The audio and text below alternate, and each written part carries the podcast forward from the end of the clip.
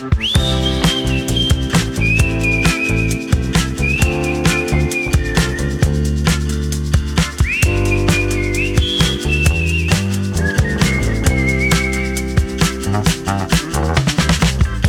dia, Sílvia.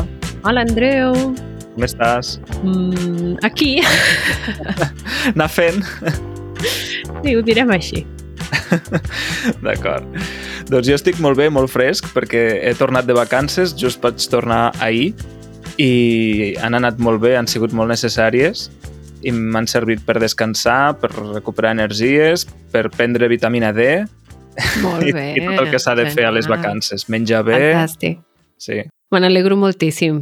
He estat a Lanzarote, a les Illes Canàries, que no hi havia estat mai. I què t'ha semblat? Doncs molt interessant, la veritat. L'illa, o sigui, té un paisatge molt diferent perquè és com si estiguessis en un altre planeta. És una illa totalment volcànica, llavors hi ha molt poca vegetació, o pràcticament gens, i és tot, doncs, mars de lava, no? cendra volcànica, volcans... O sigui, és espectacular. I a banda hi ha totes les platges i això. Sí, està bé. Un paisatge ben diferent del que estàs habituat. Sí, un lloc peculiar, però molt bé, i hem Mm. estat molt a gust. I bé, parlant de viatges, potser hauríem de parlar aquí en el podcast de l'escapada que vam fer al Delta de l'Ebre, no? Ai, sí. Jo m'ho vaig passar molt bé. Va estar molt bé, sí. Sí. A veure, què podem explicar d'aquesta sortida? Qui, qui vam ser i on vam anar, concretament, i què vam fer? Doncs hi havia el Joan, el Matthew, la Irene, Uh -huh. tu, Andreu i jo. I què vam anar a fer al Delta? Doncs vam anar concretament a la ciutat d'Amposta i allà ens hi vam passar un cap de setmana i vam anar a gravar vídeos. I tenim Mhm. tres vídeos gravats d'aquell cap de setmana. Un és un super easy i els altres dos són d'entrevistes al carrer. I després també vam anar a fer una mica de turisme. Sí, va ser molt bonic perquè vam anar a una part del Delta on jo crec que no hi havia estat mai. Havia estat al Delta, però no allà. I va ser molt bonic. La veritat és que les fotos que vam fer, Mm. no sé, van ser molt, molt boniques. Doncs això, el Delta de l'Ebre és al sud de Catalunya i és un lloc molt recomanable si voleu fer, per exemple, rutes en bici o si voleu menjar un bon arròs, perquè allà s'hi allà cultiva l'arròs. De fet, nosaltres en vam menjar. I molt orgullosos que n'estan del seu arròs. Sí, Eh? sí. Sí, sí. Doncs això, recomanació cultural, geogràfica, gastronòmica, Mm. paisatgística, mm, Delta de l'Ebre. Oh, i tant. Lingüística també, perquè allà és molt fàcil practicar el català, no passa com a Barcelona o no? per aquí que hi ha molt castellano parlant, i també molta gent que no parlen ni el castellà ni l'anglès, no? allà la majoria parlen català. Per tant, és un bon lloc on fer immersió lingüística. Sí, oh, i tant. Un lloc molt bonic, molt recomanable. Bé, doncs, Sílvia, avui, com, és, com que és l'últim episodi del mes, tenim una persona convidada i aquesta persona l'he volgut convidar jo perquè, bé, la vaig conèixer en un casament. Ole! Una de les coses bones que tenen els casaments és que pots aprofitar per conèixer gent, no? doncs va donar la casualitat que a la meva taula vaig coincidir amb una persona que és d'Irlanda, però que viu al País Valencià, si no m'equivoco, ja ens ho dirà ara quan l'entrevistem, i que parla gaèlic irlandès, però també Oh! parla valencià, no? Per tant, eh, penso que tenia un perfil idoni per venir aquí al podcast i que ens expliqui una mica la seva experiència vivint allà, aprenent la llengua, que ens parli també del I gaèlic, tant! no? Sí. Per tant, doncs, benvinguda, Àlex, al podcast d'Easy Catalan. Moltes gràcies per convidar-me. Gràcies Hola, a tu per Àlex. venir. Com estàs? Sí, molt bé, molt bé. He estat malalta, però estic un poc millor ara, així que sí, bé. Molt bé, perfecte. Doncs, ho saps que ets la primera persona valenciano parlant que tenim al podcast? És un honor de Vilachi.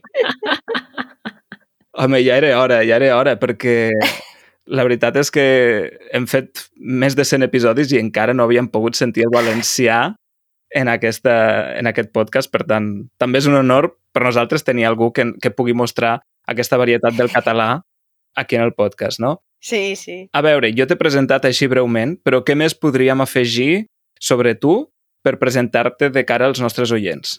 com has dit, sóc irlandesa, sóc de- d'un poble xicotet al costat de Dublín i encara que l'anglès és la meva primera llengua, els meus pares em parlaven anglès, sí que vaig aprendre gaèlic a l'escola i, i en campaments d'estiu també i ara és la llengua probablement més important en la meva vida. Uau! I fa, fa tres anys, quasi tres anys que visc a València ara.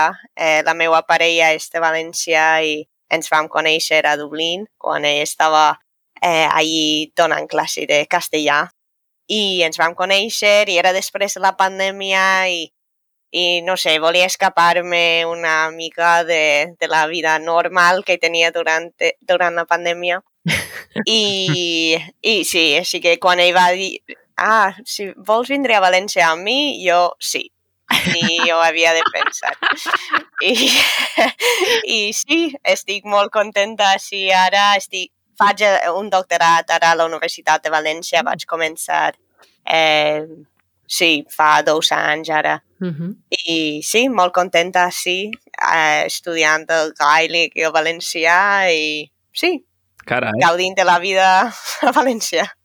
Uau, déu nhi I abans de venir a la ciutat de València sabies com era la ciutat?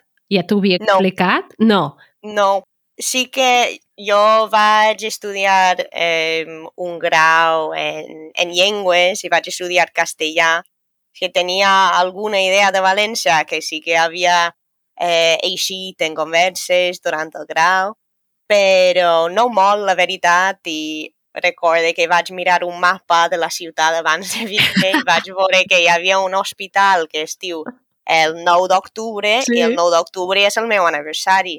Ah, I per això No. vaig mirar i vaig dir a Miguel, però què és això? Que és un hospital el 9 d'octubre? Per què? I va dir que és el Dia Nacional de València. Clar.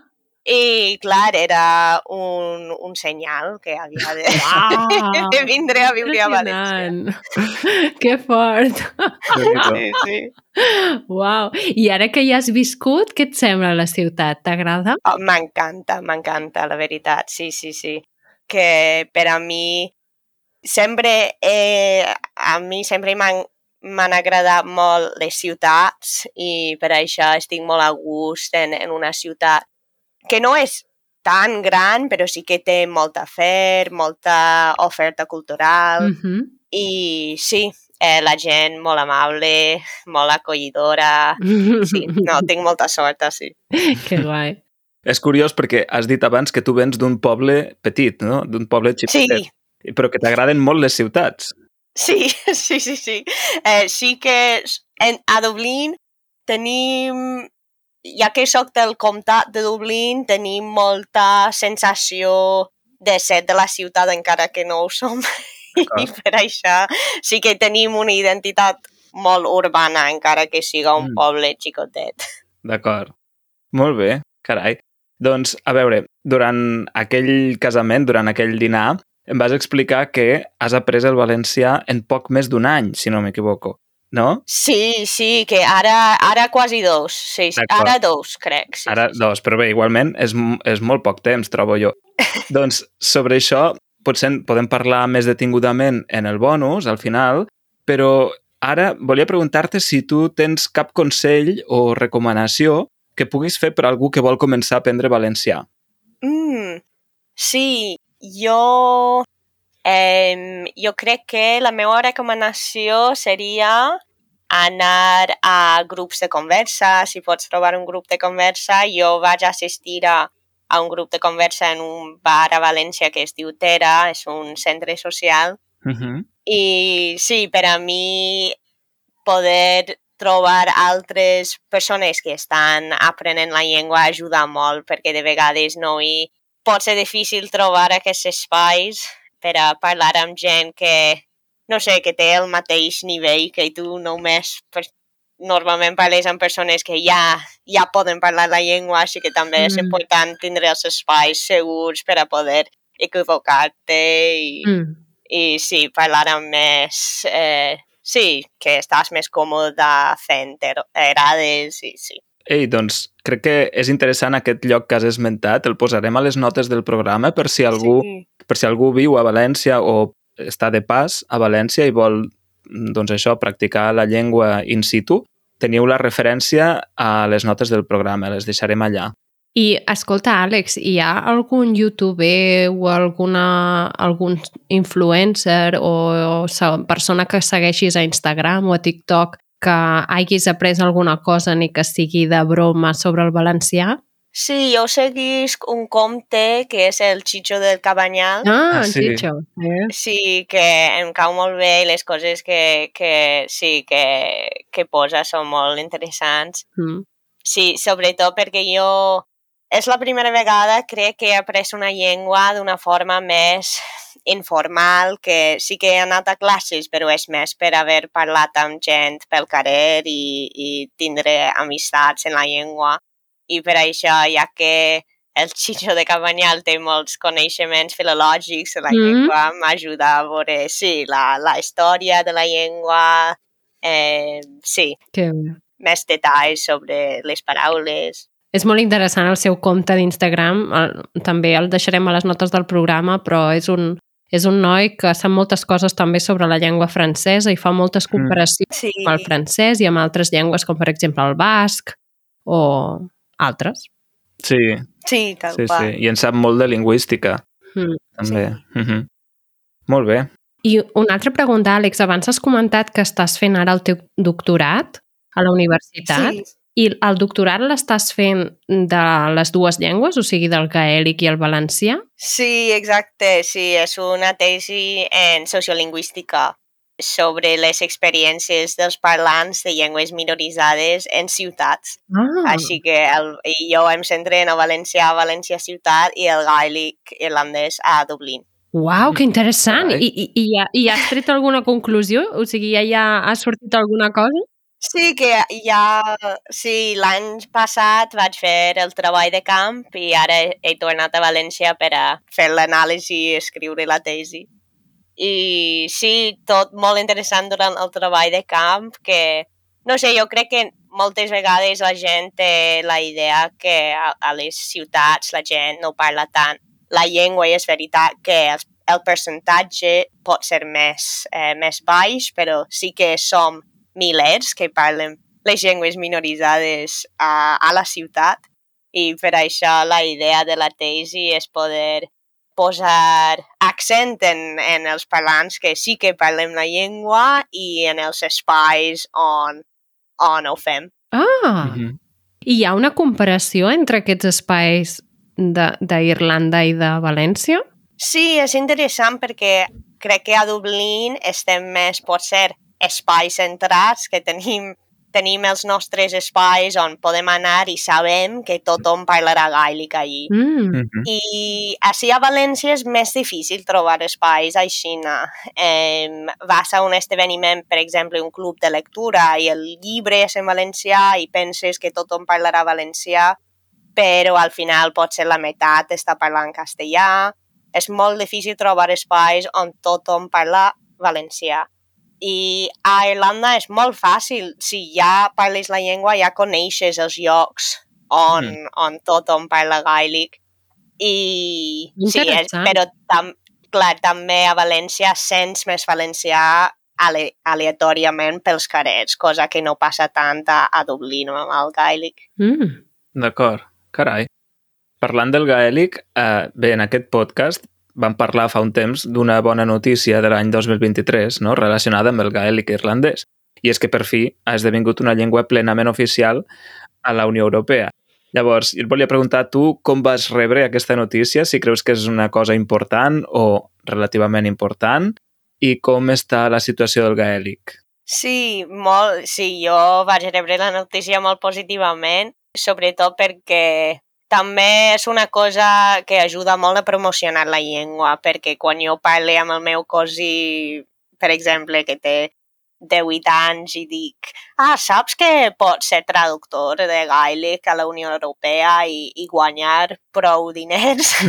Li eh, s'interessa un poc més per la llengua clar, la, no és la cosa més important, però sí que ajuda uh -huh. a, a convèncer les persones que potser no, no estan tan interessades. Però sí, i també que porta avantatges econòmics per, a, per als parlants i també és un reconeixement també mm -hmm. de la llengua i, i tot el treball que els parlants estan fent per a promocionar-la. Eh, era una llàstima que, que tardara tant en yeah. arribar a, a tindre la plena oficialitat.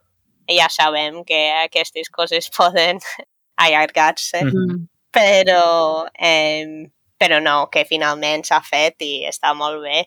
I la situació del gaèlic en general hi ha moltes coses positives i també reptes, uh -huh. clar. Hi ha moltes iniciatives molt xules que s'estan tenint lloc a Irlanda.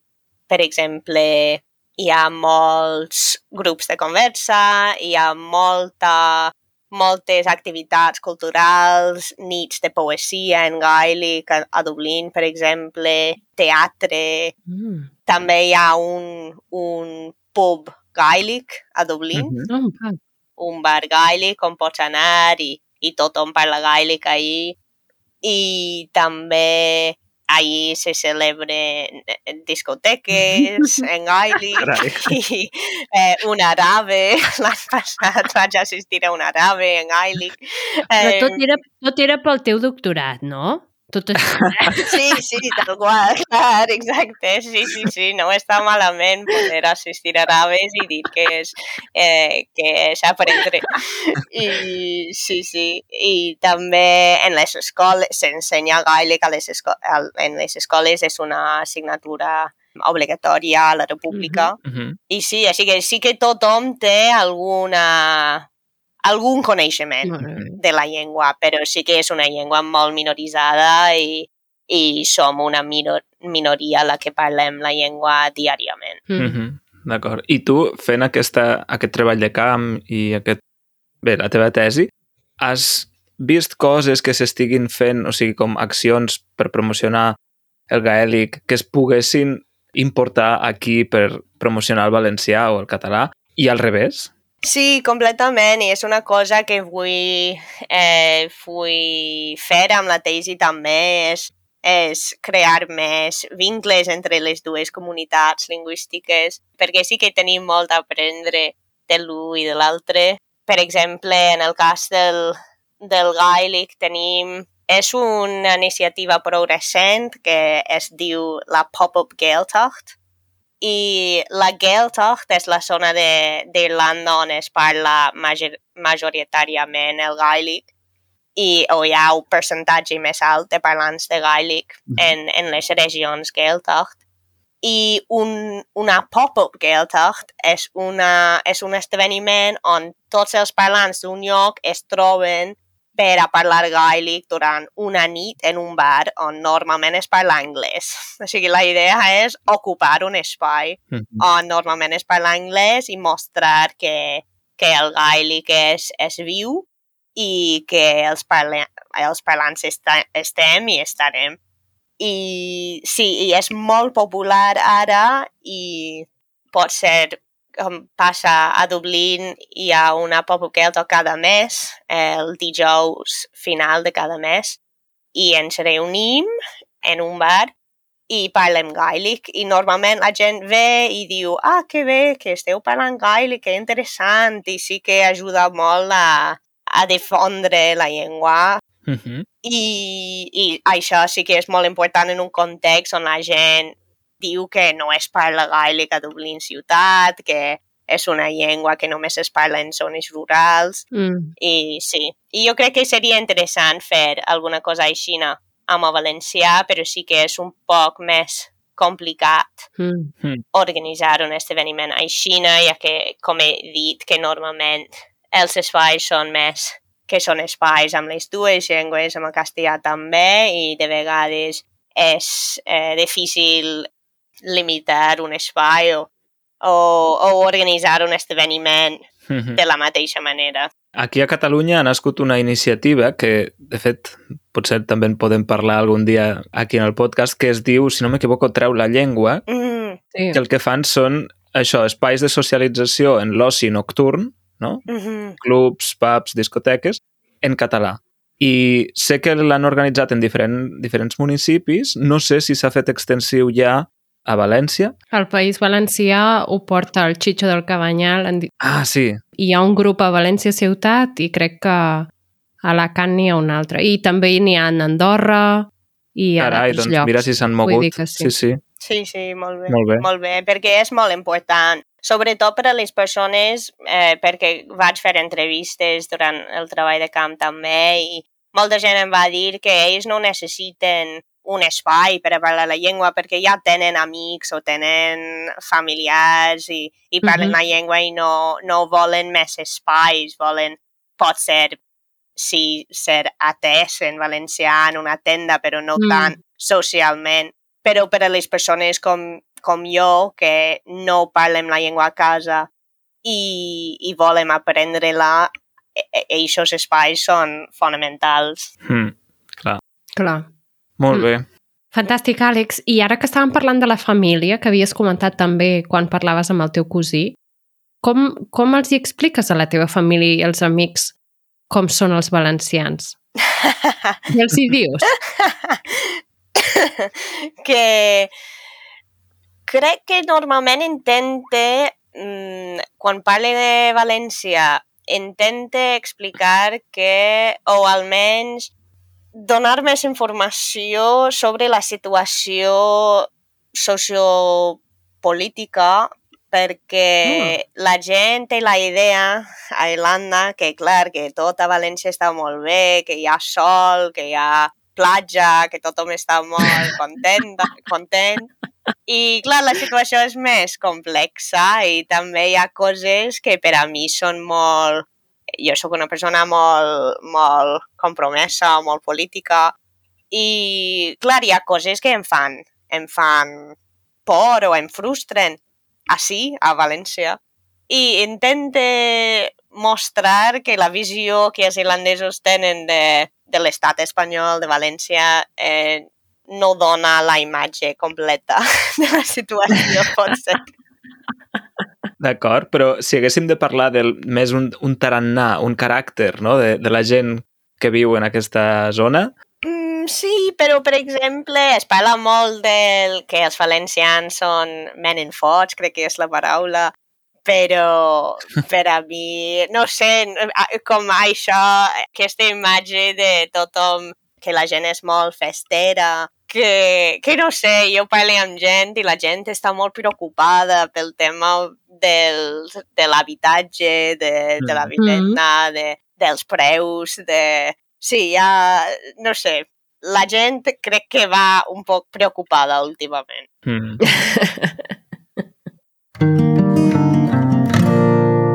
L'expressió de la setmana. doncs, Àlex, hi ha cap expressió valenciana que t'agradi i que vulguis compartir aquí avui? Sí, que he estat pensant i crec que, sí, una expressió que m'agrada molt és tindre treat. Eh, Ah. Si una cosa té trellat és que té sentit, si una persona té trellat és que té coneixements o, o sentit comú.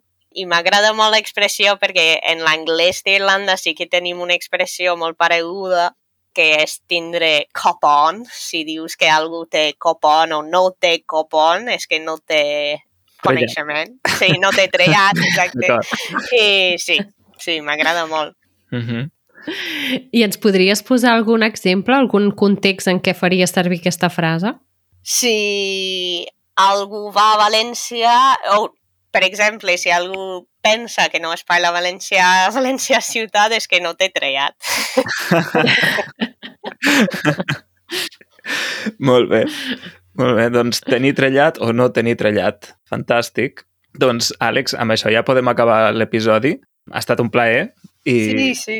moltes gràcies per haver vingut. Quan anem a València, que ja anirem, hem de fer una trobada i així ens ensenyes una mica la ciutat i aquests espais que coneixes per practicar el valencià o el català, no? Sí, perfecte. Moltíssimes gràcies a vosaltres.